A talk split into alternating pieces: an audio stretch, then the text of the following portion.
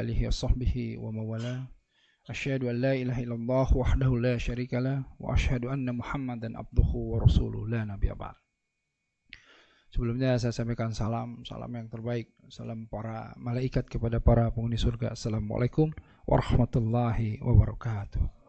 Hmm.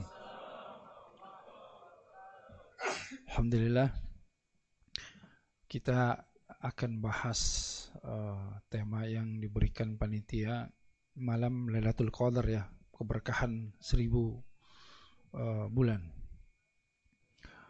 Kita memang di 10 hari terakhir ini uh, ibadah khususan di bulan Ramadan adalah i'tikaf ya, i'tikaf.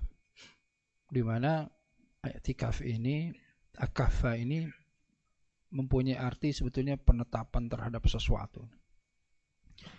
Jadi kita itu masuk ya menetap pada sesuatu yang kita pahami adalah kita masuk ke dalam masjid baik secara zahir maupun simbolik. Artinya kita masuk ke dalam satu kekhusuan ibadah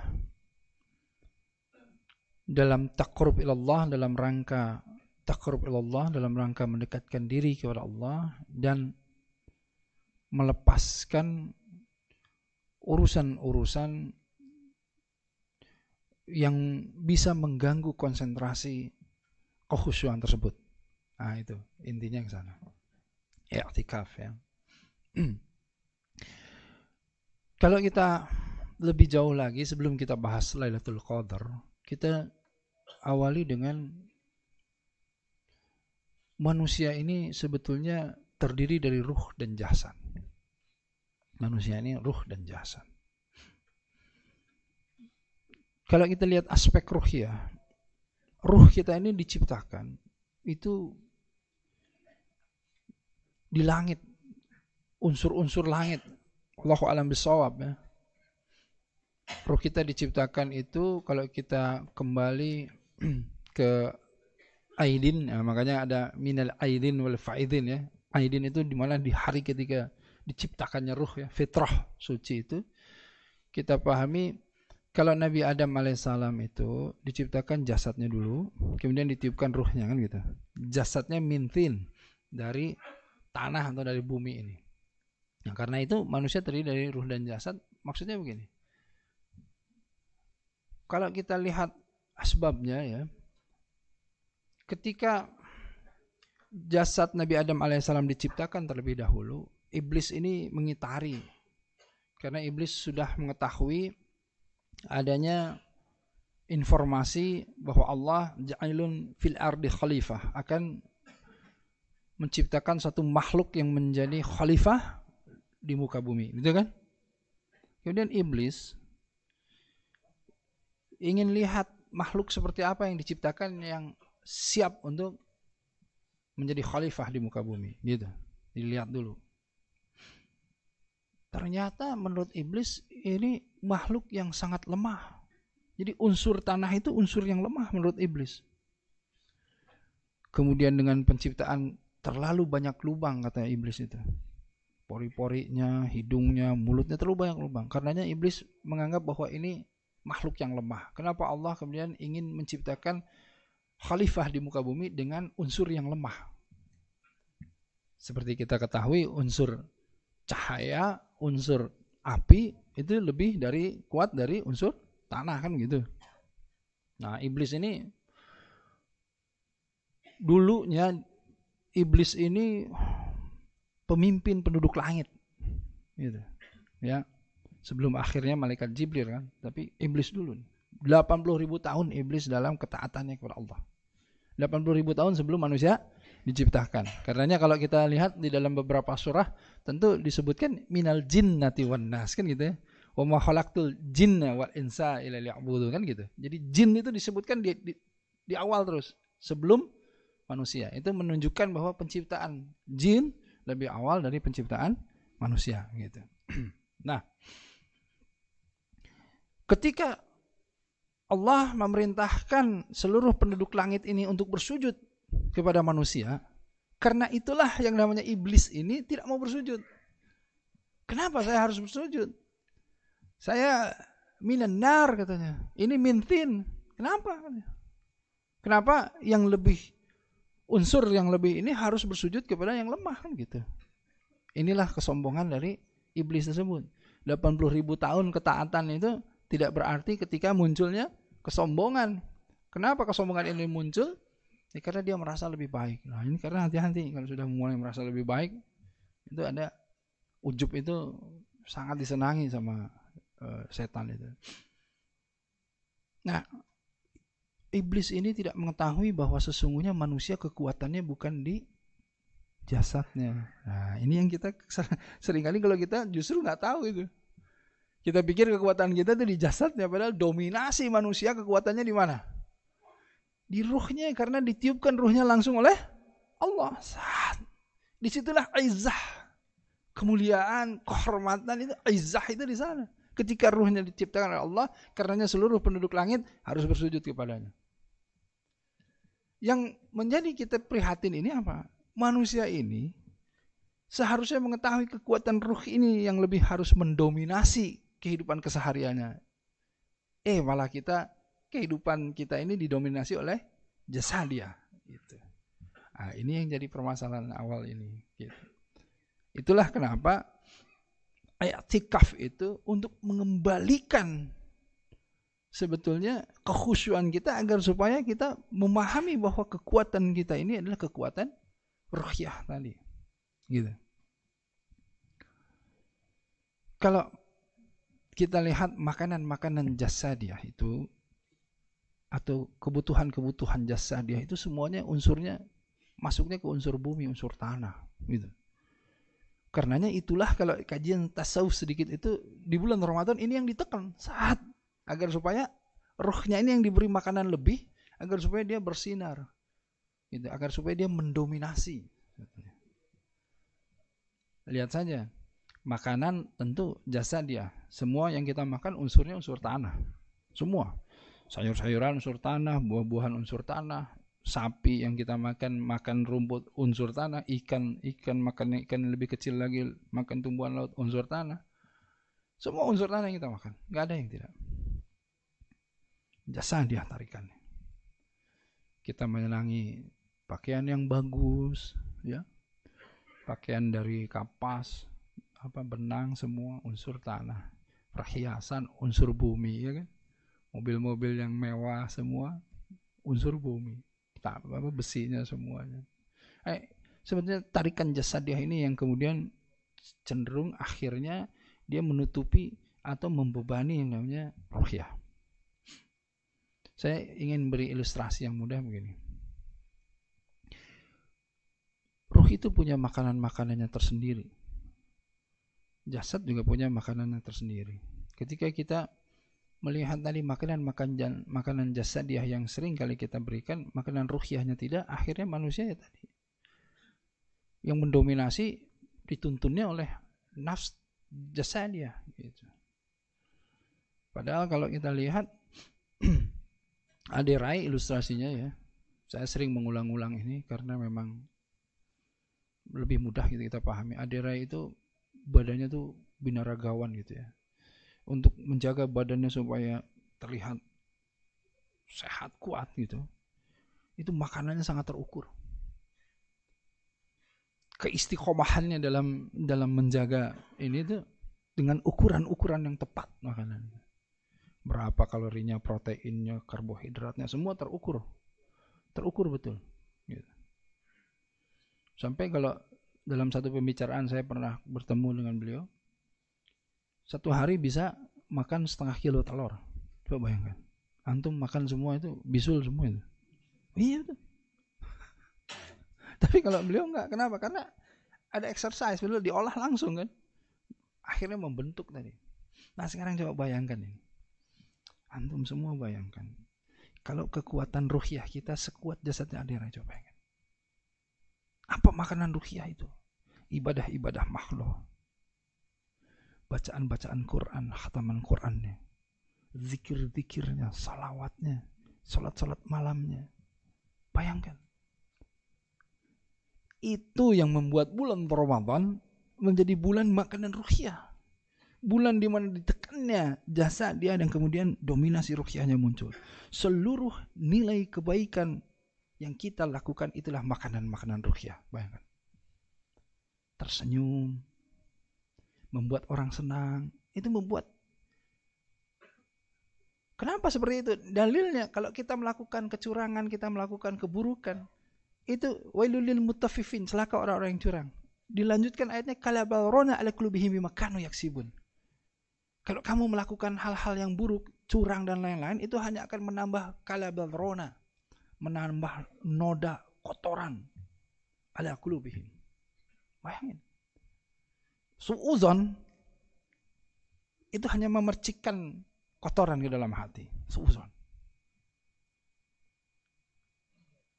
Ya ayyuhalladzina amanu istanibu katsiran minadh Ini ba'dadh-dhani ismun. Kan gitu. Jangan terlalu banyak prasangka. Kenapa? Ada dosa dalam sebagian prasangka. Tuh. Orang senyum-senyum sama kita, kita lihat, ah, lu mau senyum-senyum, cuman mau pengen ngutang ya lu ya. Ah, ini sih gitu. Ya kan? Orang udah baik-baik senyum, oh jangan-jangan nih pengen ngutang. Itu kotor, tang hatinya. Lihat orang, uh, keren nih handphone baru. Lah, edit paling. Kenapa mesti nyinyir gitu loh? Itu Kotoran itu. Iya, kotoran. Bulan Ramadan ini bulan di mana coba lihat? Bulan saum, bulan asyam. Bulan saum itu bulan di mana kita al-imsak kan uh, apa itu? menahan yang namanya iya fi'lin yang namanya tindakan ya juga yang namanya kaulan kana apa ucapan ucapan coba jadi saum itu secara keumuman bagaimana dia menahan yang namanya tindakan-tindakan yang yang tadi yang membuat kita hati ini menjadi kotor atau ucapan-ucapan yang membuat hati menjadi kotor. Itu saum. Sementara asyam itu itu itu lebih lebih apa? Lebih khusus ya. Uh, asyam itu menahan uh, al-aql uh, wal syurub kemudian wal jimma jadi menahan uh, makan minum berhubungan ya intim itu lebih ke sana kalau yang namanya asyam itu ya dari apa namanya bintul fajar ila uh, gurub asyam itu jadi menahan dari yang namanya fajar eh apa yang tadi dari fajar sampai maghrib. Itu itu asyam. Nah, jadi kita pahami dulu kekuatan ruh makanannya dan jasa dia dampaknya. Nah, kalau sudah seperti ini bulan Ramadan ini Allah buat jamuan untuk ruhyah tadi. Nah, karenanya apalagi di dalam 10 hari terakhir ini tampang-tampangnya sudah mulai berseri-seri gitu loh. Kenapa kelihatannya lebih bersinar? Karena dominasi ruhyahnya lebih lebih mendominasi. Jadi coba aja lihat muka-mukanya. Iya bener. Kalau kita gimana ya?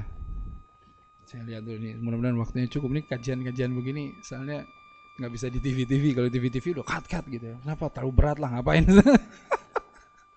kalau di TV mah ya begitu aja lah. Eh kalau udah jamaah begini enak nih kajian-kajian begini. Gini gini. Kenapa kita bisa merasakan uh, kekuatan ruhiyah seseorang gitu ya? Bisa merasakan, wah ini bersinar, ini baik hatinya dan lain. Kenapa bisa merasakan basiroh itu kenapa bisa muncul gini? uh, kalau saya berkomunikasi begini, ini sebetulnya ada komunikasi teknis lisan ya, tetapi ada juga komunikasi batiniah, ya kan? Batiniah.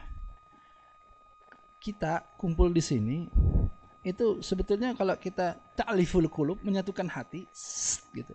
Ini semua kena nih. Talaki itu langsung tak itu sampai itu ke komunikasi batiniah tak gitu. Sampai nih kita komunikasi. Bukan hanya lisan ini aja gitu enggak. Tapi batin ya kita. Ini komunikasi kalau manusia dengan manusia yang lain bisa tadi teknis tadi. Jadi dia nggak nggak nggak mencurahkan hatinya juga bisa kita. Asal ngomong juga bisa ya kan? Basa basi lah kalau kata orang kan gitu bisa. Tapi ta'aliful kulub lebih dari basa-basi. Makanya silaturahim itu bukan basa-basi gitu loh. Nah, saya ingin ajak lebih dari itu semuanya ketika kita misalnya punya hewan peliharaan. Siapa di sini yang punya hewan peliharaan? Coba rasakan.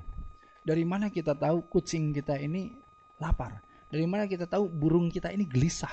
Dari mana kita tahu ini hewan-hewan peliharaan? Dari mana? Coba antum tahu ya dari mana?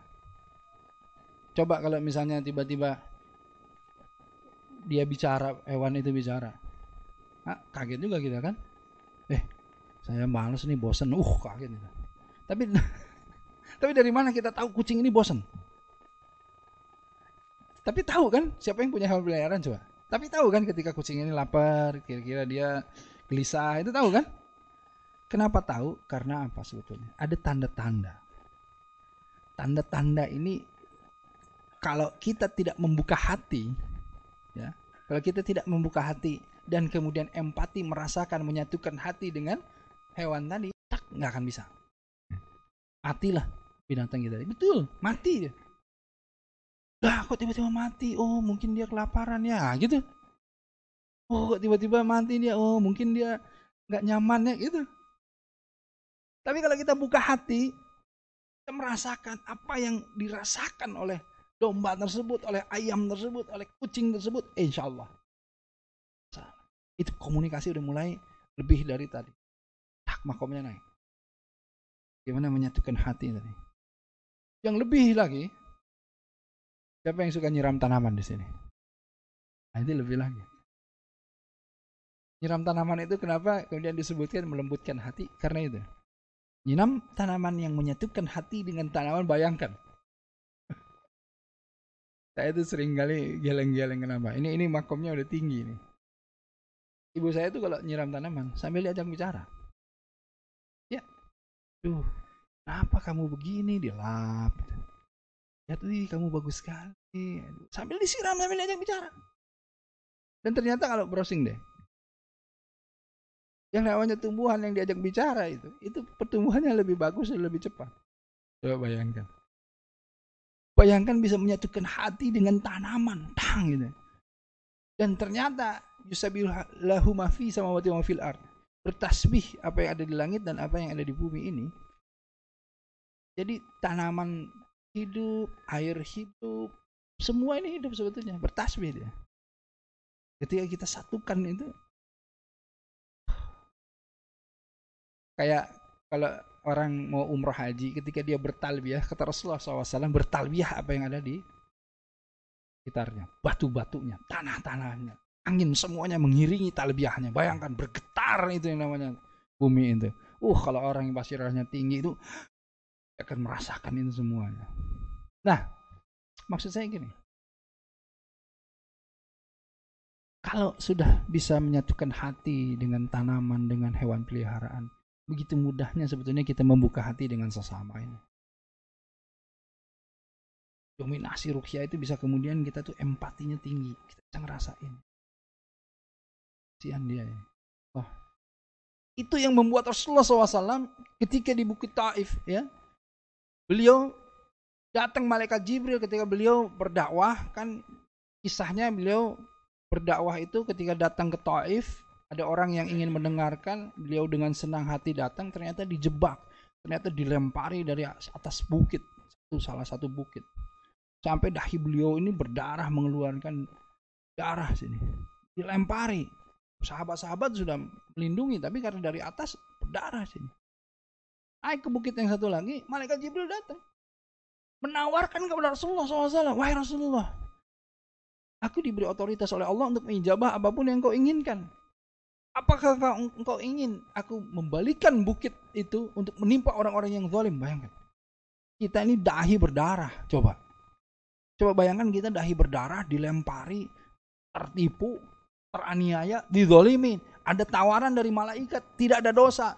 Uh, kalau kita tambuh cie itu. Iya, jangan cuma satu yang mereka tambahin tuh dua bukit aja sekalian kan gitu. Rasulullah SAW karena memahami itu empatinya muncul segala sesuatu. Beliau bilang jangan, jangan wahai Jibril. Mereka hanya orang-orang yang tidak paham. Satu hari nanti anak-anak mereka yang akan membela Islam. Bayangin. Allahu Akbar. Apa apa yang kemudian ada di dalam benak Rasulullah SAW. Jika tidak kemudian hati ini yang bicara, ruhyah ini yang mendominasi. Loh. Karenanya kita ini menyatukan hati ini pentingnya apa? Lembutkan dulu hati. Nah, masuk ke dalam kemudian Lailatul Qadar. Karena bahasanya sangat umum Lailatul Qadar karena saya diakhirkan sedikit malam Lailatul Qadar begini. Di 10 hari terakhir ini ada satu satu jamuan yang sangat istimewa ruhyah kita ini adalah Lailatul Qadar. Itu maksud saya. Jangan sampai kita lewatkan. Karena Lailatul Qadar ini, Qadar ini kalau kita lihat ada beberapa arti pemahaman qadar. Yang yang pertama adalah ketika dia dipahami sebagai ketetapan. Lailatul Qadar ini, ketetapan. Ya, qadarullah, ketetapan. Di mana Allah menetapkan di malam ini Allah tetapkan siapa yang mendapatkan, siapa yang tidak. Tetapkanlah segala sesuatunya Karenanya kalau kita memahami qadar dan qadar hanya ada satu yang bisa merubah yang namanya qadar itu itu doa. Ya kan? Makanya kenapa 10 hari terakhir ini Rasulullah SAW mengajarkan doa Allahumma innaka afuwun tahibul afwa fa'fu anni kan gitu. Terus saja Allahumma afuwun.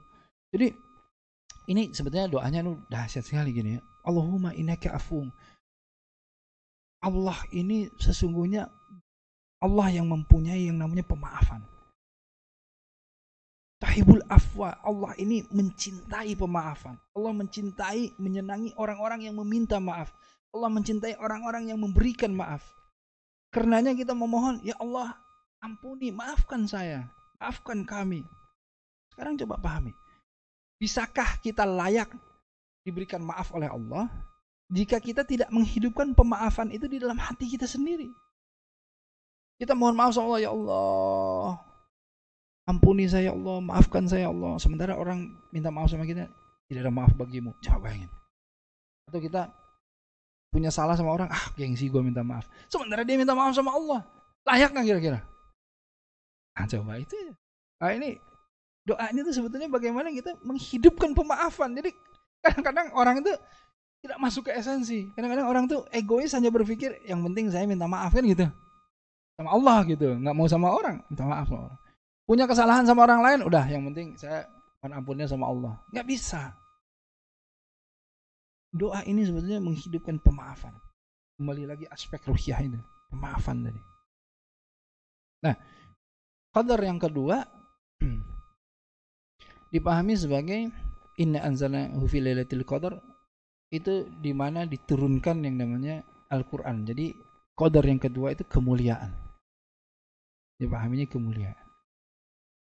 Jadi malam yang mulia. Malam yang dipilih dari sekian malam diturunkannya yang namanya Al-Quran. Gitu ya.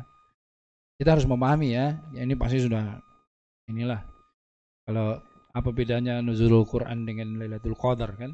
Kalau Lailatul Qadar itu diturunkan Al-Quran itu di langit secara keseluruhan gitu. Tapi kalau ini yang malam awalnya itu itu nuzul Quran itu yang mulai pertama kali ke Allah SAW itu jadi pemahamannya lain orang kadang-kadang bingung. Wah kok ada dua turun Al-Quran yang satu Lailatul Qadar yang satu nuzul Quran gitu itu yang satu diturunkan secara menyeluruh, tetapi kemudian eh, apa ayat per ayatnya itu baru nuzul Quran yang awal. Tapi sebelumnya Lailatul Qadar. Di langit bumi ini saat udah Al-Quran secara keseluruhan. Nah, kemuliaan. Di mana kemuliaan ini uh, Salah satunya ketika Al-Quran diturunkan, kemudian manusia itu kemuliaannya dengan mengisi kehidupannya dengan Al-Quran itu maksudnya. Gini gini gini. Oh ini habis. Oh ada. Ini ini tisu ini ya. Nah, ini kertas tisu. Tisu ini ini bahannya kertas yang biasa kita gunakan untuk sesuatu yang kotor-kotor biasanya ya. Kita pakai, gunakan, kemudian kita remas-remas, kita buang ya. Nah, dari bahan dasar yang sama kertas. Ketika dia ada kalamullah, jadilah dia Al-Qur'an. Al-Qur'an Al-Karim. Bahkan Al-Quran kita memegangnya saja kalau tidak berwudu itu nggak bisa. Musafnya itu. Jadi yang namanya kertas, ketika ada Allah, artinya kalamullah di sana, menghadirkan Allah di sana, izah muncul. Bayangkan. Kertas yang sama, tiba-tiba kemuliaannya muncul. Jadi manusia ini izahnya ketika dia menghadirkan Allah di dalam dirinya, di dalam kehidupannya. Ketika dia tidak menghadirkan Allah, semakin jauh orang dari Allah, semakin hina dia. Kemuliaan manusia itu ketika dia menghadirkan Allah. Dicontohkan tadi kalau kertas, bahkan dimuliakan ketika apa? Ketika kalamullah ada di sana. Nah, itu. Itu qadar itu. Ya, jadi makanya qadarnya manusia itu Al-Qur'an sebetulnya di dalam kehidupannya. Yang kesi, yang ketiga pemahamannya qadar itu sempit ya. Qadar itu. Ya, jadi ada di surah Ar-Ra'd itu ya. Allah yabsutu al-rizqa liman yasha wa yaqdiru. Taqdiru qadar. Itu Allah melambangkan rizki bagi yang dikehendaki dan mempersempit bagi yang dikehendaki. Apa kok artinya kodor itu sempit gitu ya? Karena pada malam itu di bumi ini malaikat-malaikat waruhu waruhu itu malaikat Jibril ya waruhu malaikat-malaikat itu turun ah semuanya dengan urusan-urusan. Banyak sekali urusan-urusan dari Allah dan semuanya turun memenuhi bumi ini sampai akhirnya bumi ini padat penuh sesak sempit sebetulnya. Karena ketika malaikat-malaikat itu turun ciri malam Lailatul Qadar itu dia tidak panas tapi dia juga tidak dingin. Hangat. Nah, dan kita itu karena malaikat-malaikat turun kita itu pada malam itu tenang. Hati kita tenang. Nyaman. Tidak ada badai. Ya. Nah itu uh, arti dari Lailatul Qadar tadi. Malam yang penuh dengan ketetapan Allah malam yang dimuliakan dan malam yang sempit itu Lailatul Qadar. Nah, tentu kalau kita pahami dengan cara seperti ini malam yang lebih baik dari alfi sahr dari seribu bulan. Kalau kita sering kali ya karena kita makhluk yang kalkulatif ya kalkulatif jadi artinya penuh perhitungan. Apa sih yang nggak dihitung sama manusia benar dan manusia itu dengan kekuatan perhitungannya akhirnya semuanya jadi nggak gratis gitu. Hmm, coba lihat. Restoran yang makannya ada pemandangan yang bagus pasti tempatnya itu lebih mahal ya. Betul padahal pemandangannya punya siapa ya? Ya kan kalau kita pikir-pikir gitu. Pemandangannya punya siapa? Dijual mahal banget gitu. Nah, semua dijual bahkan mohon maaf kotoran aja dijual gitu. Ya untuk pupuk untuk segala macam ya. sangat kalau nah, seribu itu kalau kita seribu bulan itu kalau kita dengan sederhana saja satu tahun itu 12 bulan seribu itu kalau dibagi 12 kita 83 ya malam yang lebih baik dari 83 sekian tahun gitu. Ini kalau kita pahami begini ya kalau itunya pasti antum udah saya ingin sharing tuh gini. Dulu uh, para sahabat itu ya sahabat itu bilang sama Rasulullah beliau agak giptoh gitu ya kepada umat-umat terdahulu. Ya, agak cemburu gitu ya. Iri yang yang tidak ingin kenikmatan orang itu hilang itu gitu. Nah, kenapa umat-umat terdahulu itu kok punya umur sampai seribu tahun, ratusan tahun gitu. Kata sahabat, betapa nikmatnya kehidupan yang lama begitu. Karena apa? Karena mereka bisa beribadah lama, mendekatkan diri kepada Allah dengan lama. Coba sahabat itu. Makanya disebut khairu ummah ya. Apa namanya? Umat yang terbaik gitu ya. Karena ingin umur panjang karena ingin menikmati ibadah yang lama gitu loh. Sementara kalau ketetapan qadarullah untuk umat Rasulullah SAW itu itu ya sekitar 63 tahun. Lebihnya bonus kurang-kurangnya diskon kali ya. Iya kan? Sekitar umat Rasulullah itu umurnya segitu. Jadi kalau sahabat itu kemudian wah kalau ada yang 200 tahun nikmat sekali. Kenapa bisa nikmat gitu? Ini ini, ini. ada suatu hari bayi yang lahir yang kemudian tidak berapa lama meninggal ya. Kemudian salah satu orang bicara bahwa wah nikmat sekali itu yang namanya bayi itu. Apa akhir belumlah kemudian uh, diwajibkan atau dicatat amal-amalannya kemudian sudah dipanggil sama Allah kembali. Jannah betul nggak jannah nikmat sekali kata orang sebut sahabat Ali yang di sebelahnya menggeleng-gelengan kepala nggak setuju Terus dia bilang, kenapa wahai Ali? Tidak, bukan seperti itu kata Ali. Dia tidak menikmati kenikmatan dunia kata Ali. Dia tidak bisa hidup di dunia dan dia tidak menikmati kenikmatan dunia. Orang ini protes dong. Apa nikmat dunia? Mata'ul gurur katanya. Iya kan? Dunia ini cuman permainan. Sesuatu yang menipu. Itu dunia gitu kan. Apa kenikmatan dunia? Buat apa? Dunia ini ujian. Dunia ini tempat kita kerja keras, kata Umar bin Khattab radhiyallahu anhu. Kita kerja keras ini di dunia, nanti istirahat di akhirat. Ya, itu kata Umar. Jadi jangan berpikir kamu mau istirahat di sini ya kayak sekarang ini. Lagi istirahat. Kerja keras, istirahat nanti di akhirat kata Umar itu. Gitu loh. Mata Allah gurur katanya. Yang menipu ini kata Ali bilang. Enggak, kenikmatan dunia itu adalah ketika kita beriman dan taat pada Allah. Tidak ada yang bisa lebih nikmat dari ketaatan kita kepada Allah. Ah ya Allah ya Karim. Waduh, kuntum khair ummah itu itu gitu.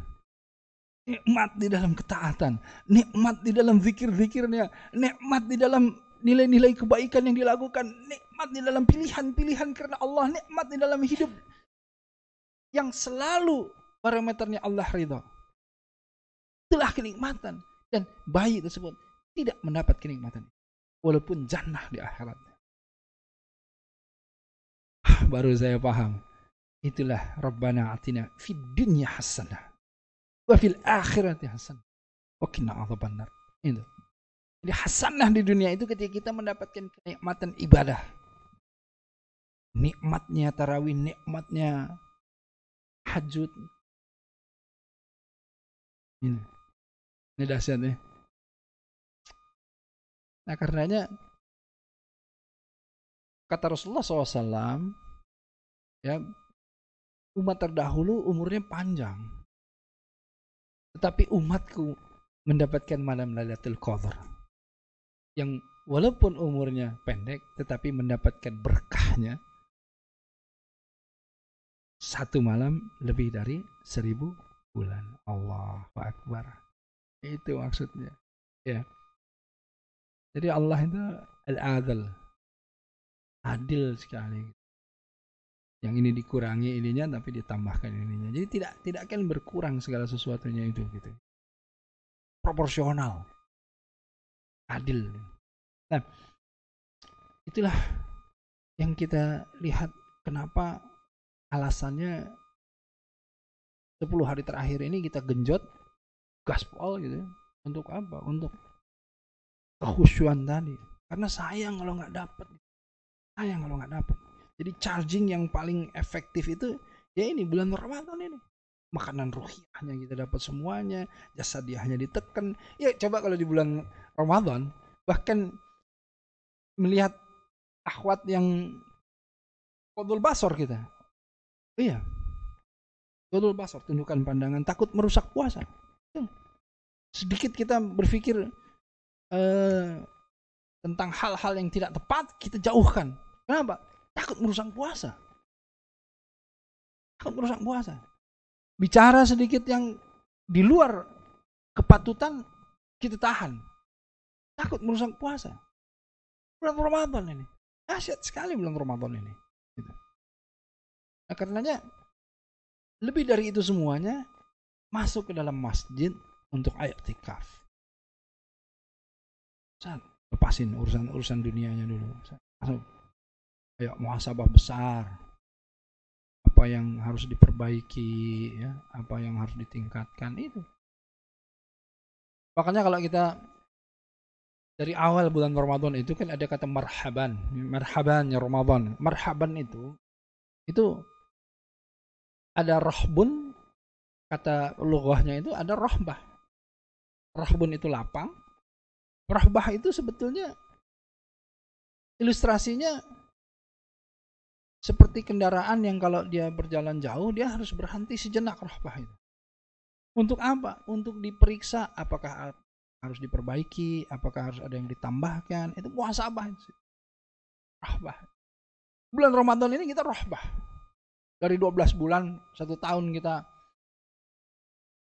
bekerja, kita kemudian beraktivitas. Sebulan ini, tak kita periksa muhasabah makanya nikmat banget ya kalau misalnya kita punya satu perusahaan gitu. Yang gajinya 14 kali gitu. tapi kerjanya cuma 11 bulan gitu loh. Karena bulan Ramadan gak usah kerja. Lu ibadah aja lu masuk kantor ibadah aja udah. Ah gitu loh. Uh cakep banget nih. Um ini mohon maaf nih nanti saya di blacklist sama ini nih. Ini ustadz nih katanya. Orang kerja disuruh 11 bulan katanya gitu. Iya bulan Ramadan fokus sudah tak gitu loh. Tapi maksudnya tetap melakukan kebaikan-kebaikan habluminan nas jangan kemudian masuk masjid terus nggak keluar keluar makanya Rasulullah itu mencontohkannya 10 hari. Kenapa 10 hari? Ya itu dia manusia itu kadang-kadang suka apa kebablasan suka mengada-ngada gitu loh ah saya nggak mau keluar keluar satu bulan gitu. Padahal Allah mencontohkan 10 hari agar apa? Agar ladang amalnya itu bukan masalah hablum minallahnya doang, tapi hablum minannasnya juga ladang amal itu. Bahkan kalau kita lihat yang menjadi jariah itu kan hablum minannas, kebaikan-kebaikan sosial, betul? Amal jariah itu apa? Itu dia. Antum nih ya. Ini kan Aksiata ya, XL ya. Ini bisnisnya apa? Eh, apa? Kerjaannya? Provider kan? Coba lihat ya. Dari sudut pandang ini nih. Antum kerja membuat orang-orang nyaman berkomunikasi. Yang dengan komunikasi itu insya Allah ada kebaikan silaturahim. Yang dengan komunikasi itu insya Allah ada kebaikan-kebaikan seperti mendapatkan rizki yang halal ya. Yang dengan komunikasi itu itu bisa membawa kebermanfaatan seperti dakwah. Nah ini saya nih live streaming ke mana-mana gitu kan. Coba bayangkan. Jika seandainya, seandainya berapa juta penggunanya? 50 juta. Seandainya 50 juta pengguna. Satu tercerahkan karena wasilah antum. Mandala ala khairin falhu mitsru ajru failihi. Barang siapa yang menunjukkan kebaikan, dia akan mendapatkan pahala yang sama dengan yang melakukannya. Dapat semua. Coba pikirkan, ini dapat semua. Makanya kerjanya kaitin sama Allah, kerjanya yang benar, insya Allah semuanya itu diluruskan niatnya, caranya ya, tiba kepada Rasulullah SAW, aturannya aturan Al-Quran, Sunnah. Jadi, klak, kebaikan jariah. Bayangkan.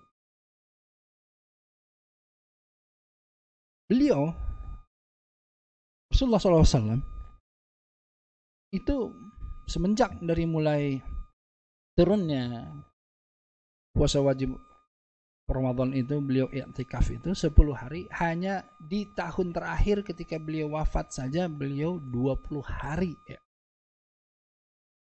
20 hari di tahun dia wafat. Jadi sebelum-sebelumnya 10 hari. Gitu. Tapi total ya 10 harinya ya. Kalau kita 10 hari teh ah nggak mau bahas lah ya begitu aja gitu. 10 harinya kan begitu ya kita ya. Sesempatnya gitu lah. Walaupun etikaf itu nggak ada batasan, kamu harus lihat dulu jam, pakai alarm, ya. 5 menit atau 10 menit atau satu jam, dua jam, nggak ada batasan itu. Etikaf artinya dia berdiam di masjid gitu. Waktunya kapan, durasinya maksudnya, durasinya kapan, durasinya tidak dibatasi.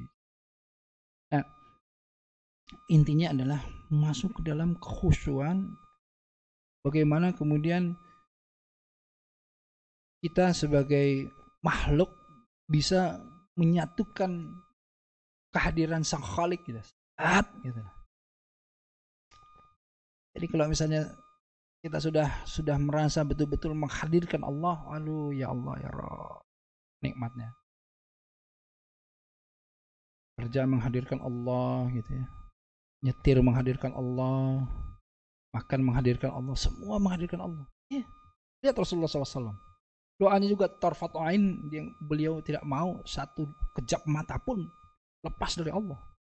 Makan berdoa, minum berdoa, tidur berdoa, bangun berdoa, masuk kamar mandi berdoa, keluar berdoa, naik kendaraan berdoa, turun berdoa, keluar rumah berdoa, masuk rumah berdoa, ketemu orang berdoa, semua berdoa coba. Rasulullah SAW. Artinya Artinya segala sesuatunya ingin menghadirkan Allah agar supaya langit itu idza jaa nasrullahi wal agar langit terbuka, turun pertolongan Allah. Itu yang diinginkan.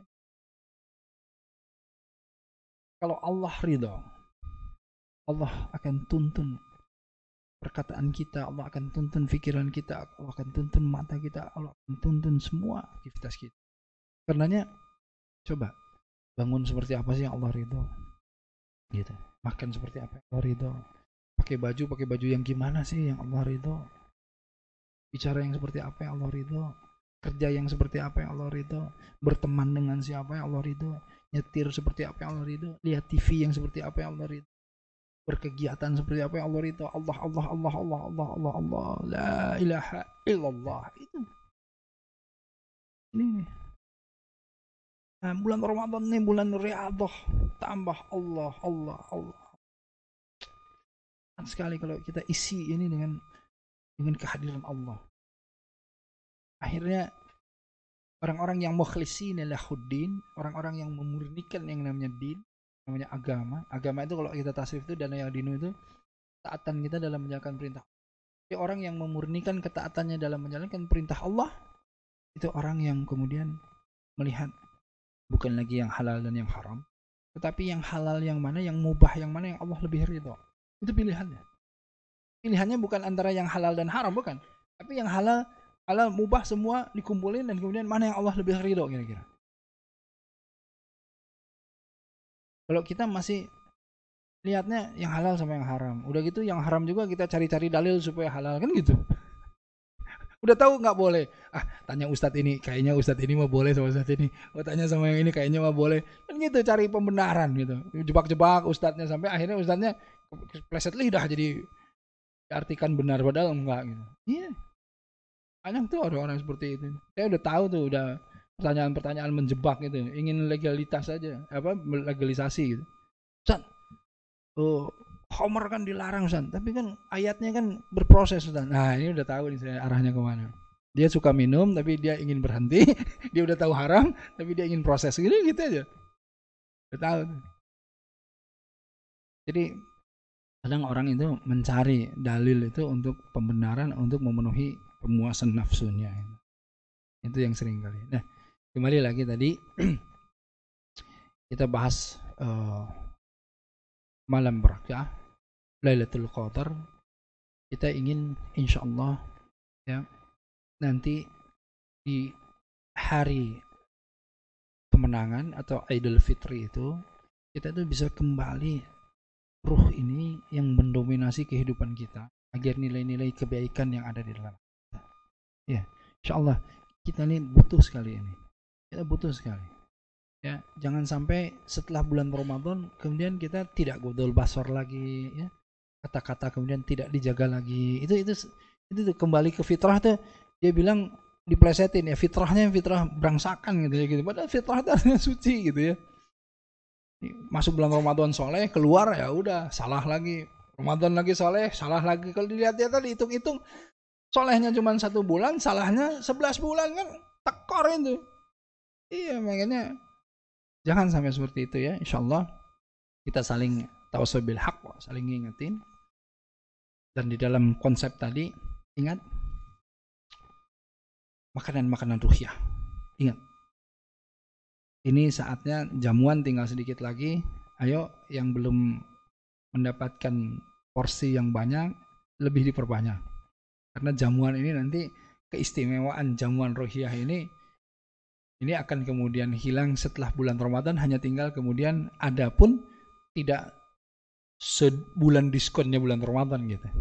Hati-hati jangan jangan konsentrasinya buyar dengan uh, midnight sale dan lain-lain buat akhwat di sana ya. Gini loh gini gini ya. Saya nggak orang yang kemudian ini juga enggak. Silahkan. Tapi satu hari saja lah cukup kan gitu. Jangan kemudian tikaf di mall gitu 10 hari di mall kan repot gitu. Sehari aja belanja, kita paham lah, kita paham ada kebutuhan-kebutuhan dan ketika pada saat itu ada yang namanya diskon besar gitu, silahkan. Tapi proporsional aja, datang beli gitu, udah selesai, udah jangan kemudian jadi etikafnya di mall itu bahaya gitu. Etikaf di mall, tawaf di mall kan gitu, karena kan lantainya banyak keliling-keliling terus. Sayang, sayang, sayang yang namanya ini. Tapi sesekali itu Artinya dalam konteks tadi butuh dan kemudian lagi ada tawaran-tawaran menarik, silahkan. Bukan artinya kemudian nggak boleh, bukan. Tapi kita lihat proporsionalnya aja.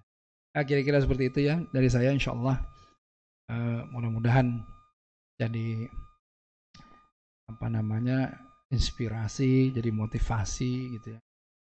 Kita saling berdoa juga agar supaya kita diberikan keistiqomahan ya, di luar bulan Ramadan. Kira-kira seperti itu. Kita lanjut doa atau ada masih ada waktu? Masih ada waktu, ayo sampai buka gitu. uh, jazakallah khairan kasihan kepada Ustadz. Mungkin karena jam satu kurang sedikit. Ya. Boleh. Kita satu pertanyaan aja, satu pertanyaan aja kali Ustadz.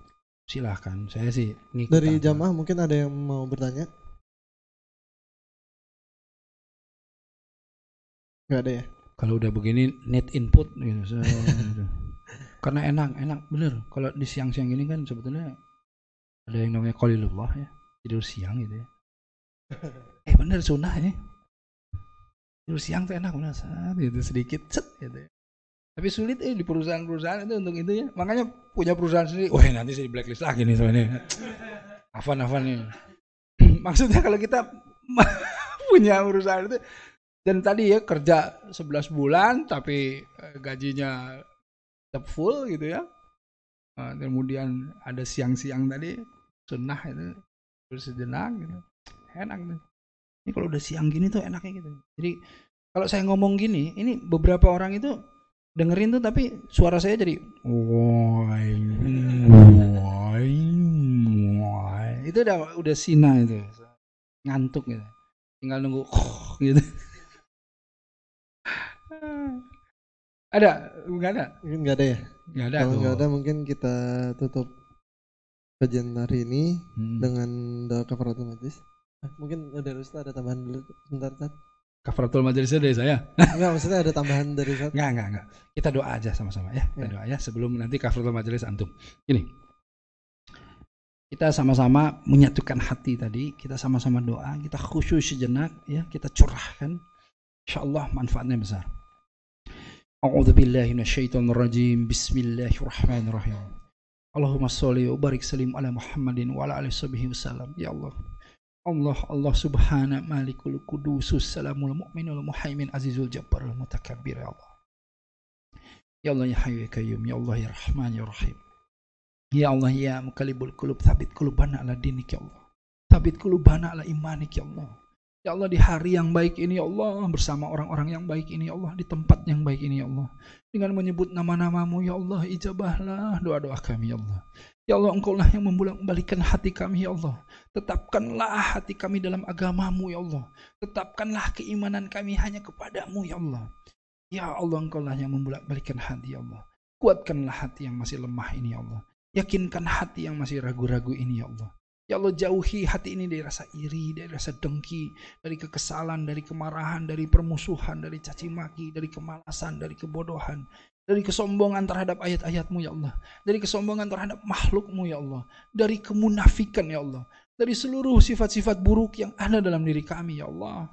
Ya Allah, jika hari ini hati ini masih kotor dan berlumpur ya Allah, gantilah hati ini dengan hati yang baru ya Allah hati yang condong terus beribadah kepadamu ya Allah. Ya Allah ya Rabb. Ya Rabbana Allahumma inna nas'aluka salamatan fid din wa afiatan fil jasad wa hiyadatan fil ilmi wa barakatan fil rizki wa taubatan qabla maut rahmatan inal maut wa maghfiratan ba'dal maut. Ya Allah ya Rabbal alamin ya hayyu kayyum bi rahmatika astaghits aslih lisani kulahul takilni nafsi tarfatan hadi minan nas. Ya Allah engkau yang menghidupkan kami ya Allah. Engkau lah yang mengurusi kami setiap detiknya ya Allah. Ya Allah dengan rahmatmu kami memohon pertolonganmu ya Allah. Perbaiki kehidupan kami ya Allah. Perbaiki kehidupan keluarga kami, saudara-saudara kami ya Allah. Lingkungan kami ini ya Allah. Guru-guru kami ya Allah. Orang-orang tua kami, para pemimpin kami ya Allah. Bangsa kami ini ya Allah. Bangsa kami ini ya Allah. Perbaiki, perbaiki keadaan kami semua ya Allah. Kami ini hanya makhluk yang tiada berdaya. La haula wa la quwata illa billah. Karenanya Allah beri kami kekuatan untuk menghadapi semuanya Allah. Mudahkanlah ujiannya, ringankanlah, tuntunlah, bimbinglah. Ampuni ya Allah. Jangan kau hukum kami jika kami lupa atau bersalah ya Allah. Dan jangan kau biarkan kami dengan urusan-urusan kami walau sekejap mata pun ya Allah. Ya Allah bimbinglah kami selalu ihdina syuratul mustaqim. Jalan yang lurus jalan yang kau ya Allah. Ya Allah Rabbana wa qadamtu ma asrartu ma afdhartu ma alantu antal muawwal wa antal muakhir wa la ilaha illa anta wa la likulli syai'in qadir. Ya Allah Allahumma innaka afuwun tuhibbul afwa fa'fu anna ya Allah. Allahumma innaka afuwun karim tuhibbul afwa fa'fu anna ya karim. Allahumma innaka afuwun tuhibbul afwa fa'fu anna ya Allah. Ya Allah engkau lah yang mempunyai pemaafan ya Allah Engkau mencintai pemaafan ya Allah. Karenanya maafkan kami ya Allah. Jangan biarkan kami pulang ke rumah kami melepaskan Ramadan masih berlumuran dengan dosa-dosa kami ya Allah. Hapuskanlah dosa-dosa kami ya Allah. Jadikanlah kami pribadi yang baik ya Allah. Akhlak yang karimah ya Allah. Akhlak yang lebih baik dari yang kemarin ya Allah. Dan insya Allah bulan depan akhlak kami buatlah lebih baik dari hari ini ya Allah. Ya Allah ya Rabbal Alamin Jadikanlah apa-apa yang kami lakukan ini menjadi amal ibadah kepadamu ya Allah Jadikanlah bulan Ramadan ini sebagai kunci kendaraan kami menuju surgamu ya Allah Ya Allah ya Rabb Ya Allah ya Rabb ya Allah ya Rabbal Alamin ربنا ظلمنا أنفسنا لن تغفر لنا وترحمنا لنكون من الخاسرين ربنا تقبل منا إنك أنت السميع العليم وتب علينا إنك أنت التواب الرحيم ربنا أعطنا في الدنيا حسنة وفي الآخرة حسنة وكلنا عذاب النار في بركة نسألك الإجابة الفاتحة أعوذ بالله من الشيطان الرجيم بسم الله الحمد لله رب العالمين الرحمن الرحيم مالك يوم الدين إياك نعبد إياك نستعين اهدنا صراط المستقيم صراط الذين أنعمت عليهم غير المغضوب عليهم ولا الضالين يا الله Amin ya rabbal alamin. Alhamdulillah sekian dari saya. Mohon maaf kesalahan, kekurangan canda yang tidak tepat itu datang dari saya, kebenaran hanya datang dari Allah. Saya Erik Yusuf, bila taufik wal hidayah. Assalamualaikum warahmatullahi wabarakatuh. Assalamualaikum warahmatullahi wabarakatuh. Jazakallah khairan kasihan kepada Ustaz.